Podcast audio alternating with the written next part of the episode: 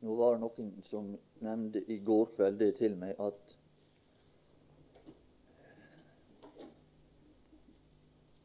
når vi bruker Det gamle testamentet på den måten som det blir gjort her, så kan her være enkelte i denne forsamling som vil ha problemer med å kunne godta at vi bruker Det gamle testamentet på denne måten. Og det kan være nærliggende for enkelte kanskje å tro at dette er en utleggelse som grenser bort i fri fantasi. Jeg kan bare referere til Paulus i Galaterbrevet når han sier det. Jeg kan bare lese et uttrykk der.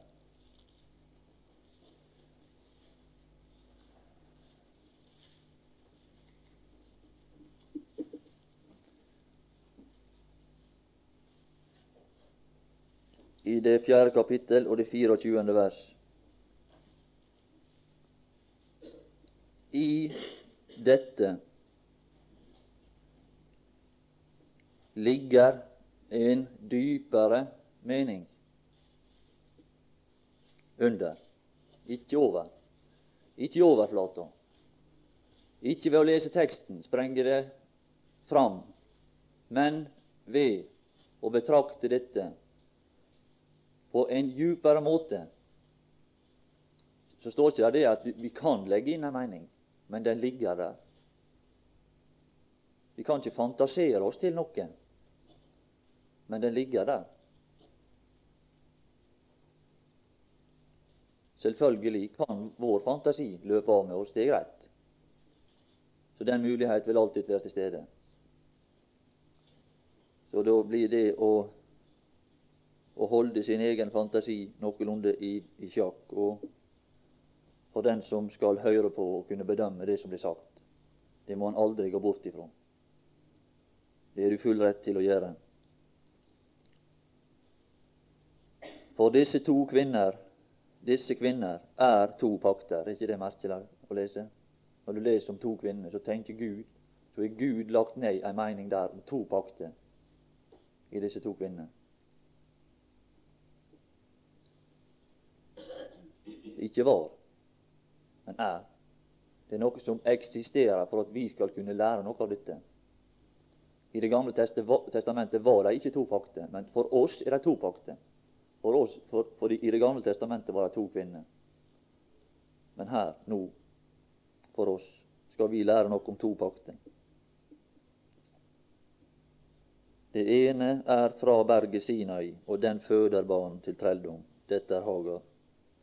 For Hagar er berget, ikke var, er berget Sinai i Arabia og svarer til Det er noe det svarer til. Disse bilder det svarer til noe som eksisterer i dag. Josef svarer til Han som er i himmelen.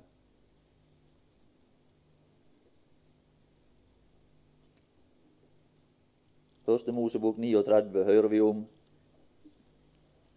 et forhold som eksisterte.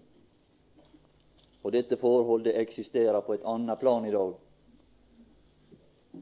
Det eksisterte mellom Faderen Det eksisterte mellom Josef og hans sønn, hans far Jakob. Og det eksisterer i dag imellom Gud på den ene side og Jesus Kristus. Og det, det forholdet har alltid eksistert. Det er alltid vært et forhold. Og vi skal sjå her at dette forhold var de to aleine om. Aldeles aleine. Og det er det som er det sørgelige. At de var aleine om dette forhold. Og det var det Gud ikke kunne utholde å tenke på. At dette forholdet skulle eksistere være mellom disse to. Derfor har han satt i gang denne scene som vi leser om i disse kapittel som kommer framover.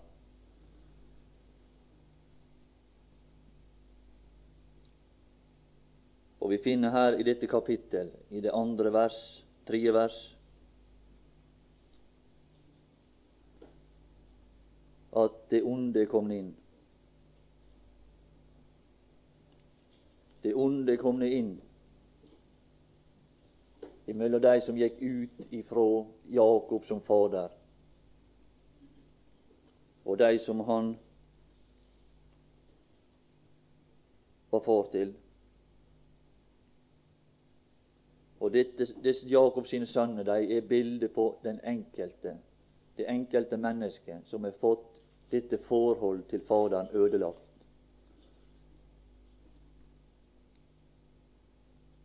Du ser at mennesket også er gått ut ifra Gud, og slik er de sett her i dette kapittel. De stammer ifra Jakob, alle disse Jakobs sine sønner, men de hadde ikke et forhold til Jakob som far.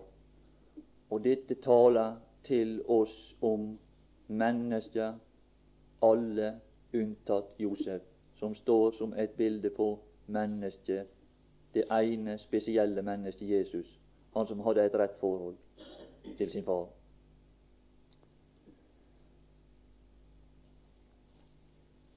Og Vi skal lese i Johannes 7-28 to små uttrykk. 28 og 29.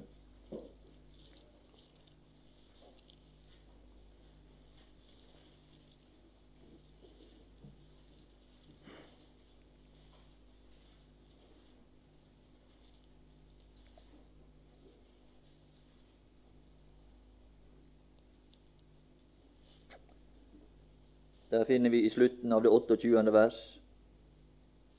Men det er i sannhet én som har sendt meg.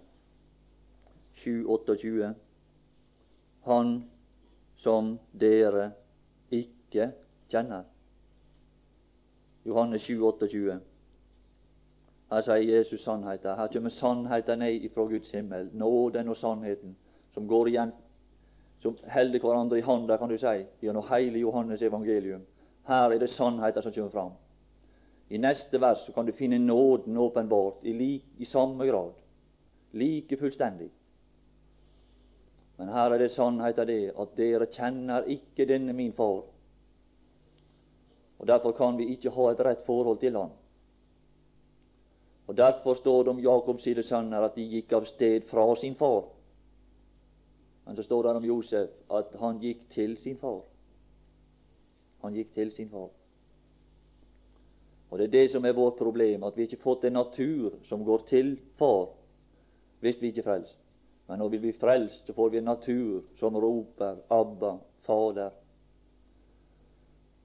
Så får vi Den hellige ånd inni oss som kan gjøre at vi kan leve dette nye liv ved hvilken, altså ved denne ånd, så er vi i stand til å rope, ved hvilken vi roper Abba, Fader.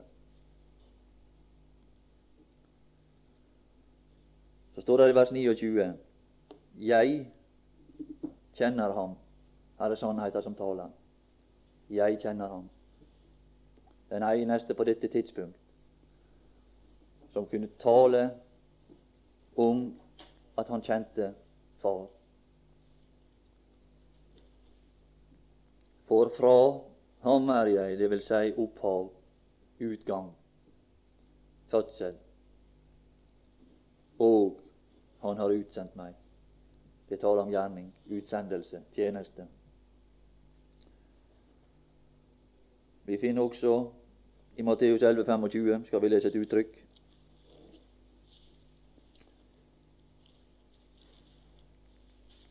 I går så las vi forskjellige navn på Gud ut av Første Mosebok fra 39. kapittel og til det 40. Og det er disse navn vi nå skal ta opp litt nærmere og se på. Og vi skal finne, at, finne at Gud svarer til de navn han har, og at Gud handler ut ifra de, navn og de titler som han har. Og her er det ene forhold omtalt at Gud, han er far. Han er en far. I det ellevte kapittelet av Matteus og det 25. vers. På denne tid tok Jesus til orde og sa Det er noe som heter at én svale gjør ingen sommer.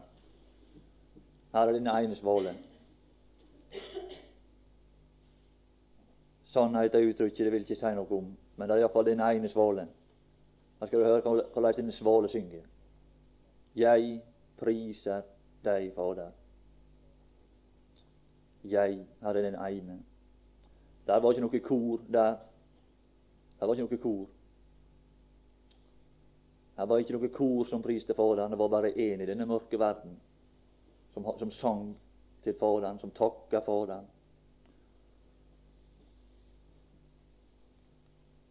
Det er det som er det triste med dette forholdet, at det er så få som har et slikt forhold til Far. Jeg priser deg, Fader, himmelens og jordens Herre. Det er en, også en tittel som han har. Men det er noe som taler om større nærhet. Det er Fader-uttrykket, og det var bare én som hadde. Så står det i vers 27 Ingen kjenner Sønnen. Ja, vi skal lese den. Alle ting er meg overgitt av min Fader, og ingen kjenner Sønnen uten Faderen. Ingen kjenner Sønnen uten Faderen. Men så er det Han som kjenner Han, og hva har Han gjort? Hva har Han gjort, Han som kjenner nå? Hva gjorde Han som kjente denne personen? Denne sønnen? Vet du hva han gjorde? Det står her. Han ga han alt. Alle ting er meg overgitt av min Fader. Og Da må han være elskelig. Da må det være noen ting med denne personen. Det må være noe med nå. Mm? Ville du gi alt til noen så ikke det var noe med? Nei, han så så stor verdi i denne sin sønn at han ga han alt. Alt. Og det er det som er sannheten at hvis vi skal få noe av Gud, må vi opp på det samme nivå. Vi må opp på det samme plan, og vi, vi må bli like elskelige som denne personen hvis det skal tilfalle oss noe i det hele tatt. For her er det en givende funksjon i Gud. Vi må opp på det plan der skal Gud få kunne gi oss noe. Men så blir vi utenfor all god gave.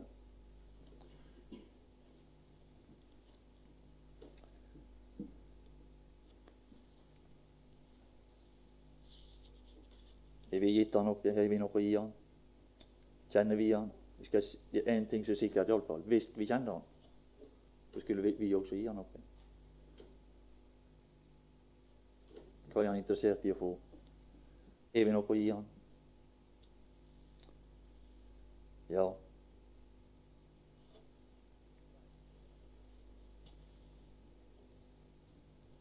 Det er en ting vi kunne gi han. Vi kunne gi han den ære å være vår frelser. Det er det eneste vi kan gi ham. Det er det eneste vi i vår falne tilstand kan ære Guds sønn med. Det er å gi Han den ære og ta oss opp der vi er. For det er det Han vil. Det er det eneste vi kan gjøre. Og det burde vi gi Han. Er vi gitt Han den ære?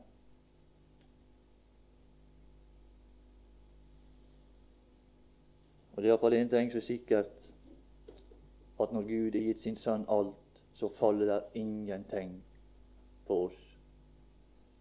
Ingenting. Han hadde noe å gi, og han gir det. Det vil også vi gi. Vi gir til den som vi synes om. Det gjorde også Gud. Og den som han ikke synes om, hadde han ikke noe å gi. Derfor så står det i, i, i, i Paulus' lære som han gav oss i den elskede. La oss komme inn i denne personen, så kan han få gi oss noe. Så kan det tilfalle oss noe i dag, og det kan tilfalle oss noe i evigheten i forbindelse med denne personen. Men utenom Han blir vi, evig og blir vi, fattige. Vi er fattige og blir fattigere. Fra Ham skal der tas vi er fattige, men vi er ikke så fattige som vi en gang skal bli. For vi har livet, vi har muligheter, vi har tid. Men også det skal tas fra oss hvis vi ikke gir Guds sønn den ære å være vår frelser. Og det er det eneste vi på dette tidspunkt kan gi ham.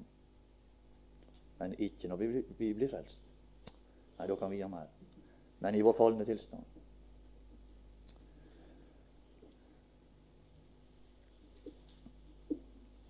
Matteus 17 skal vi lese.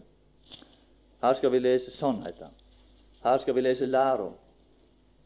Det som vi betrakter i Første Mosebok, er bildet som svarer nøyaktig til dette. Fordi Gud er skrevet begge disse bøker. Gud er gjennomtenkt begge disse skrifter på forhånd for at det ene skal svare til det andre. Og jeg ber og tru på Hans hjerne i det himmelske enn jeg tror på en hvilken som helst annen professor. Det er sannheten. Matteus 17 og vers 5.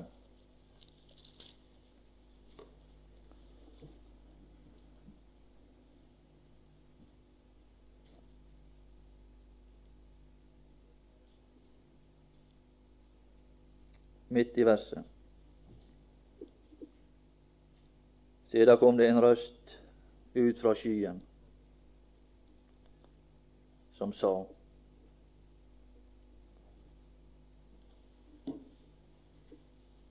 Vi kan være glad for at denne røst og denne person med denne røst trakk seg tilbake gjennom tusener av år. Det kan vi være glad for. Men en dag i denne verden, i, Egypt, i Israel, så greide ikke denne personen med denne røst å holde og teie stilt.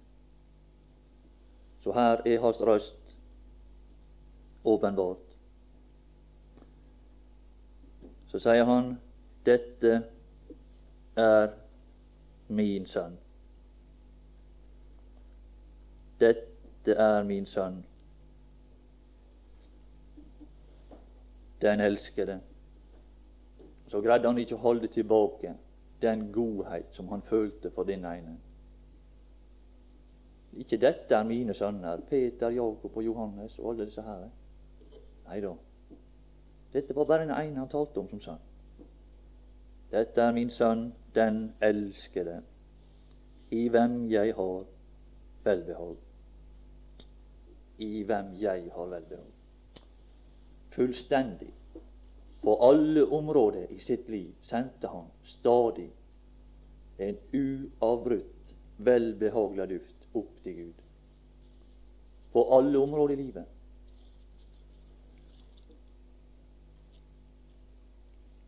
Og det var en stadig forbindelse, en gjensidig forbindelse mellom disse personene til alle tider. Og så måtte Gud gi uttrykk for det. Den, den følelse, den velbehag, den godhet som eksisterte. Og vi kan være glad for at han talte om den ene. Og veit du hva han taler om? Så kom det et godt råd til oss. Først talte han om sin sønn, til sin sønn. Så kom det fra den samme Gud et godt råd til de som stod utenfor og ikke hadde dette forhold. Det er et godt råd. Virkelig et godt råd ifra Gud. Så sier han det. Hør ham. Hør, hør ham. Ja, det er sjølfølge, det. At vi skulle høre på Han som Gud alltid hører på. Det er vel ikke noe spesielt med det, men det er sjølfølge, det. Ja, er det ei sjølfølge, tror du? Det var ikke mange som hører på nå. Hør ham, sier Gud. Sjøl lytter han alltid på din røst. Så sier han det. Må dere lytte dere også, for han er en slik fin røst. Det er noe slikt fint med denne personen. Dere må lytte dere også, mennesker. Hør ham. Det er det som er Guds program. Han forsøker med alle midler å få oss til å begynne å bli oppmerksom på denne personen som han alltid vil feste si oppmerksomhet på. Og vårt liv skal bli forandra. Det slår aldri feil. Vi skal begynne å kjenne det velbehag som er i denne personen. Vi skal begynne å få opp øynene for den glede som han kan tilføre oss. Er vi fulgt dette råd, så er vi frelst. Da er vi frelst. Følger vi dette råd i livet, så går det oss vel. Da går det oss vel. Hør Han. Hva var det første han sa til Nikodemus? Det første han sa, det første han talte, Det var det som svarte til Nikodemus sitt behov. Han begynner ikke å snakke om, om alt mulig slag andre ting. Nikodemus, du må bli bedre, du må gjøre annerledes. Du må forandre på livet ditt, Nikodemus. Du må begynne å ligne mer på meg. Nei, det var ikke det han sa. Nei, Nikodemus, du må få samme starten som jeg hadde. Du må få samme starten som meg. Du må fødes, du også. Du må gå ut ifra Gud, du også. Du må fødes på ny, Nikodemus. Og er det fullt av sannhet, dette at han må fødes, så er det iallfall fullt av nåde. Tenk det, at han var i stand til å føde. Han var i stand til å føde Nikodemus. Og Nikodemus blei født. For livet ytra seg seinere, det. Livet, det tok, det to det nye liv i forsvar. Livet tok livet i forsvar.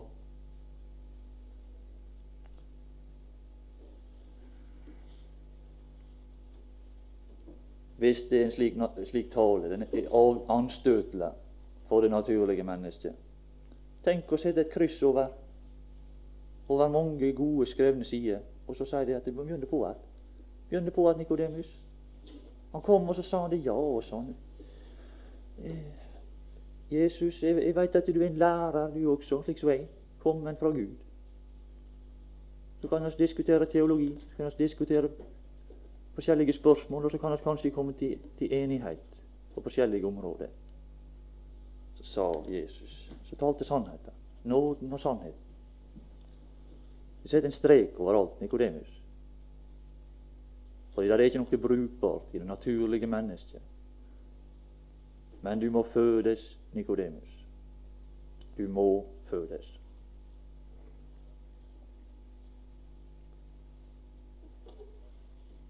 Det er nåden som er åpenbar, at vi kan fødes på ny.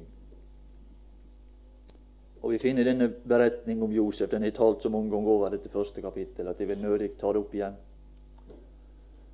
Men vi finner iallfall det at Josefs brødre, hvis du leser denne beretningen, så vil du iallfall finne det at de avslørte sin natur. Ved at de ville ikke høre på han. De ville ikke høre på han, og ved det avslørte de sin natur. Dess mer han talte, dess mer hatet de ham, står der. Og da hatet de ham enda mer for hans drømmer og for hans ord. Det var resultatet. Og hatet det kom til uttrykk på den måte at de søkte å ta livet av han, og de gjorde det som, som jødene og verden gjorde det med den Herre Jesus idet de naglet ham til et, til et tre, står der.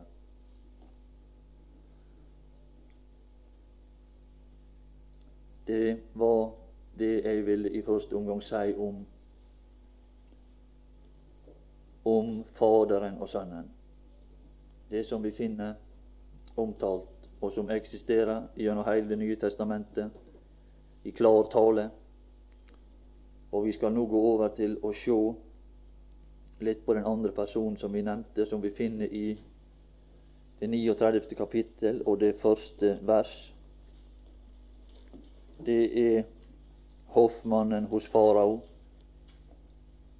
høvdingen over livvakten. Dette taler om ei side ved Gud som kanskje er mindre forstått.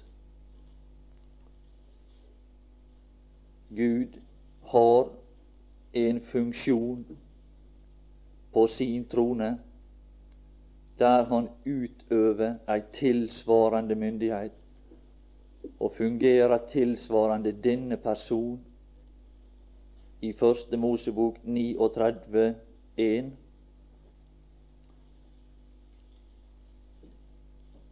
Og vi skal se om ikke vi kan finne Gud i Bibelen på denne måten.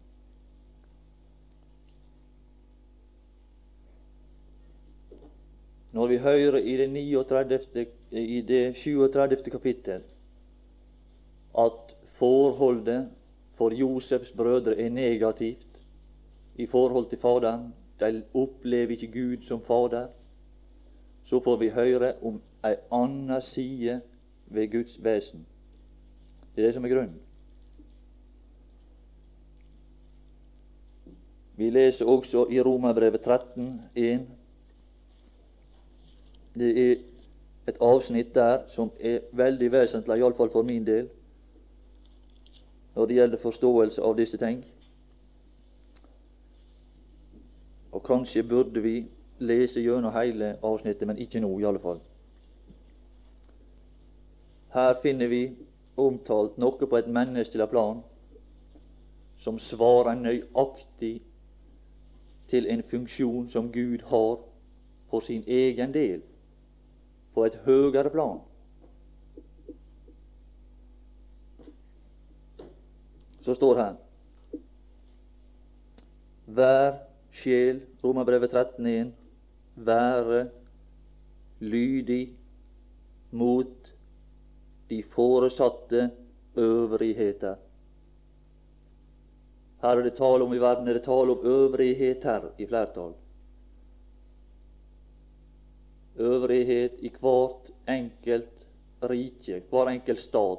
Men for Gud er det bare én stat. Det er Guds stat. Det er verden. Og han behandler verden på denne måten.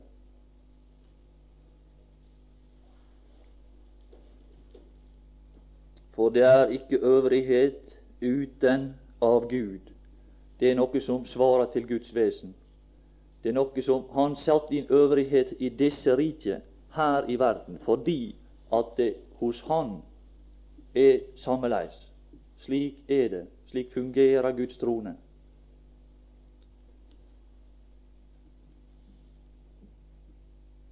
Dette er antagelig for mange nokså ukjent. Men det er ikke vanskelig å finne det igjen på mange plasser i Skriften. Og det skal vi være klar over, at øvrigheten den eksisterte på fallets dag i Eden.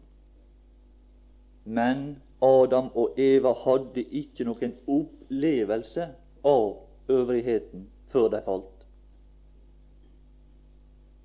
Forstår du det? De opplevde ikke Gud i denne funksjonen før etter at de hadde fått en natur som sto i motsetningsforhold til Gud, og dermed lærte de å kjenne Gud i en annen karakter. Gud ble en streng Gud, ikke fordi at Gud i sitt forhold hadde forandra seg overfor dem, men fordi de hadde fått en annen natur inn. Så begynte de å oppleve Gud annerledes.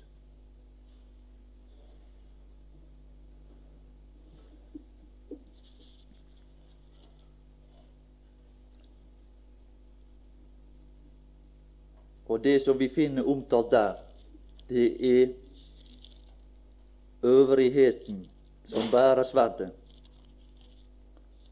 Og Vi finner sverdet omtalt for første gang i Mosebok, første Mosebok 3. Og der finner vi dem. Dette er ikke forhold som eksisterer i dag.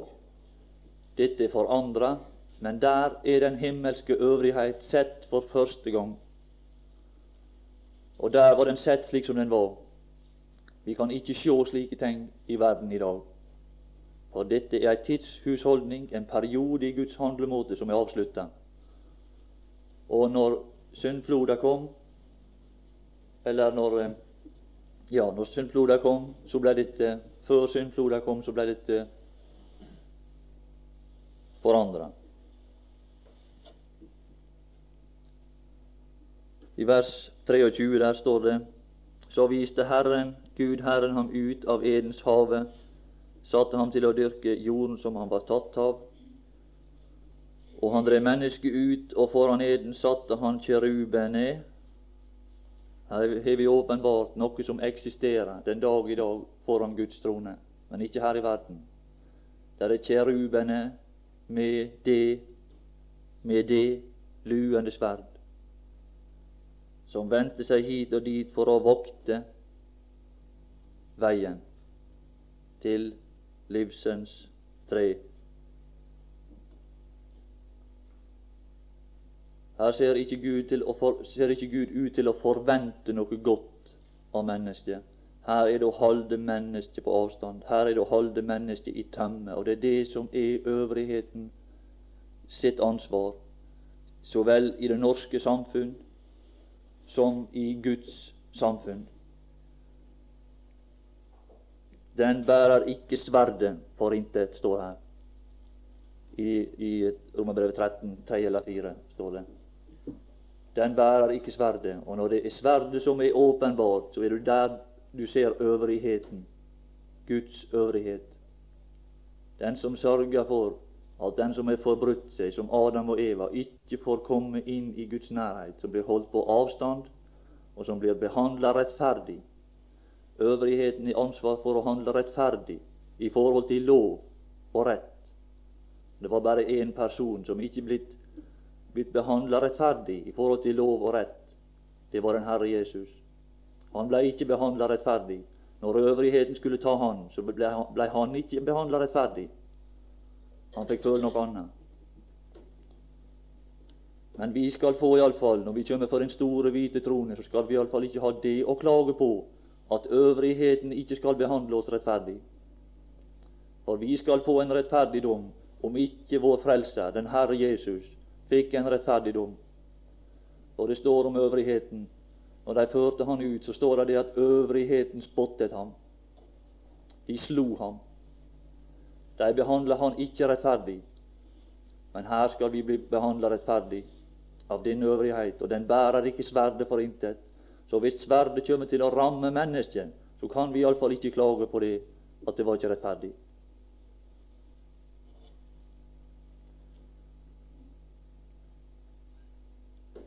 Og ja, Romanbrevet 13,4 står det øvrigheten bærer sverdet, og den bærer den ikke for intet. Det er ikke noe lekesverd, slik som i dag. Slik som øvrigheten er i dag. Øvrigheten er mest sverd i dag i det norske samfunn, på alle områder. Og så tar øvrigheten den som er rettferdig. Det er det som holder på å skje.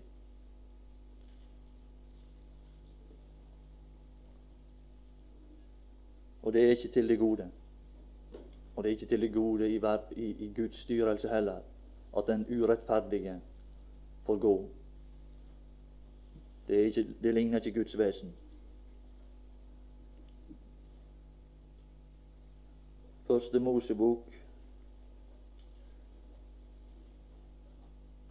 2, 16 og 17, der finner vi den lov som øvrigheten hadde satt. Første gang lov er åpenbar. Første gang der er satt i øvrigheten sett ei lov som mennesket kan overtrede og dermed komme på kant med loven.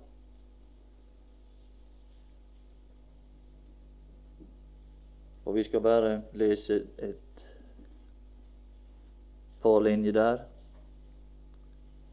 Men du må ikke ja, treet til kunnskap om godt og ondt, det må du ikke ete av. For på den dag du eter av det, skal du visselig dø.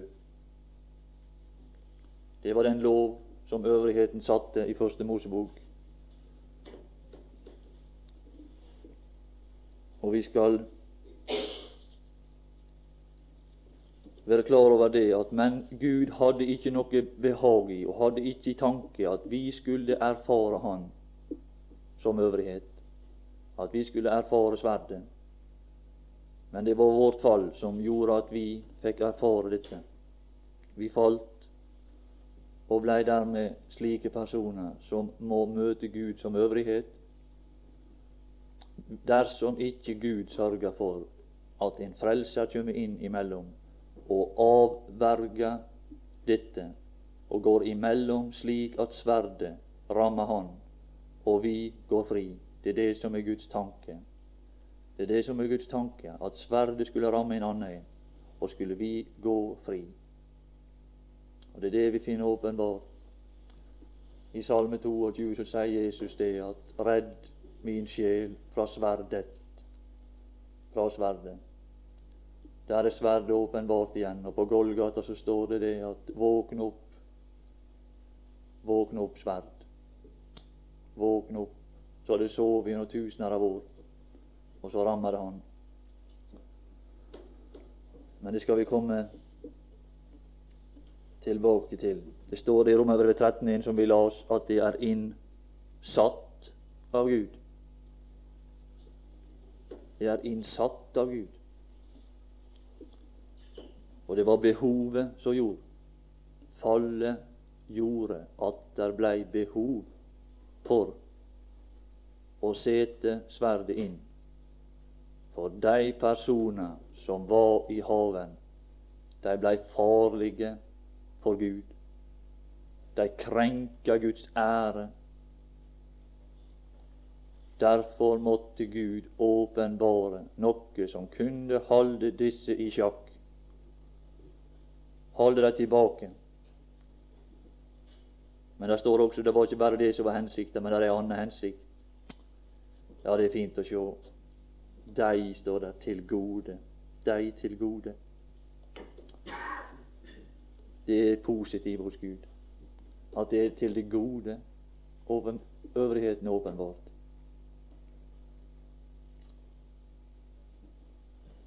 Vi leser det i Romerbrevet vers 4, at, uh, 13 og vers 4.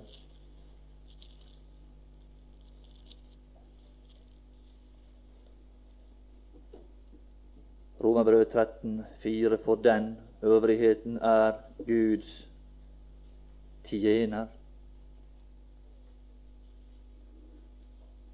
Deg til gode. Å, tenk på det. At det er positivt. Gud har et positivt siktemål med å være streng. Og hva, slags, hva er siktemålet hans? Det er å få oss til å skjelve. Det er å få oss ned på det nivået at han kan få frelse oss.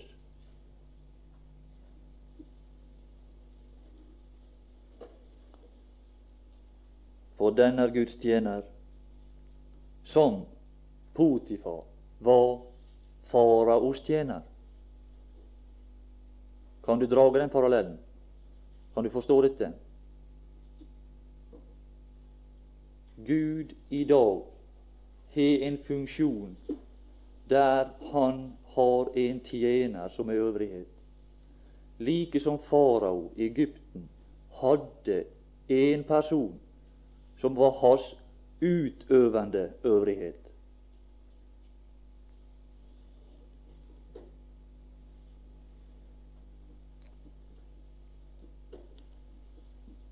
Jeg tror vi skal slutte av der.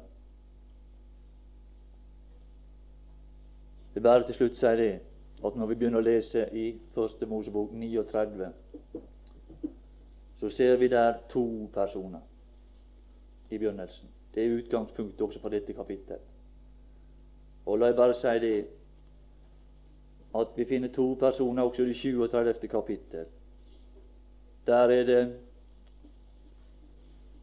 Jakob som hadde sin sønn kjær.